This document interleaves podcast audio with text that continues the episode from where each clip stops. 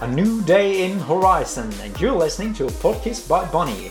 As usual, we are in the heat. Some of us already half baked. Is it that bad, Bun? Yeah, you fucking figure it out. Sure has some disadvantages having a body encapsulated in fur in comparison to being a nude rat as yourself. I love being a nude rat. Actually, I'm more than ready to do some shaving to keep that nude rat look for as long as it takes. I hear you, but let's not talk about you shaving your balls. It's summertime and people are waiting for the hot summer tips we can provide, and it sure is a few. Okay, let's hear it. What's on your mind? I've had a few sweet sessions with my therapist lately. Cleared a potential mind fucks, prepped for summer, so mind is blank as a baby and ready for new drama. And let me tell you, I really triggered my therapist the other day. Did you? Yeah, his face was bright red and he was trembling and shouting at me. Your therapist? Is that normal? No, I never seen me like this before, actually, but I consider it as a breakthrough for the both of us. He probably grew sick about hearing about me and my problems, so eventually he needed to blow off some steam. That is strange. He shouted, Bunny, you're the most self-centered, egoistic bunny I've ever met in this city.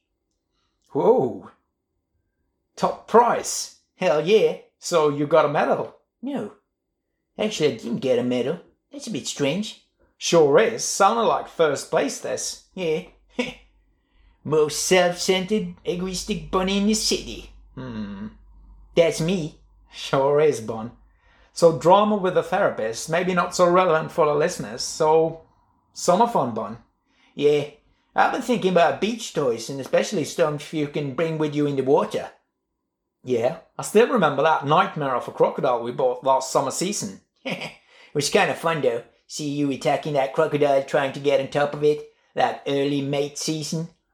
And same with the plastic killer whale I bought. Impossible to ride in the water. Here's a thought, Storm. Maybe you can establish a different relationship to all these plastic toys than riding them. Like, I don't know, tossing them in the air or just pushing them in front of you for a change. Where's the fun in that? And this is the thing both these plastic animals were sold for grown ups, and I consider myself an average man. Yep, pretty much it. Good description of you. Average, maybe a bit below. but in size, I'm normal. Yeah, normal average too.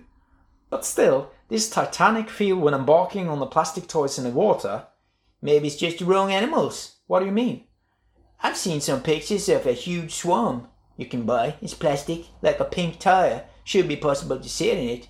Or maybe a hippo variant should be big enough. But again, what's the deal with you trying to ride all these plastic animals in the water? It's kind of the deal with plastic animals. That's how I play with them. Maybe you should reconsider. Reconsider? Yeah, maybe there are different ways of playing with them. True, but this is what I do, Bon. Hmm. But it can be a good idea to embrace some change every now and then.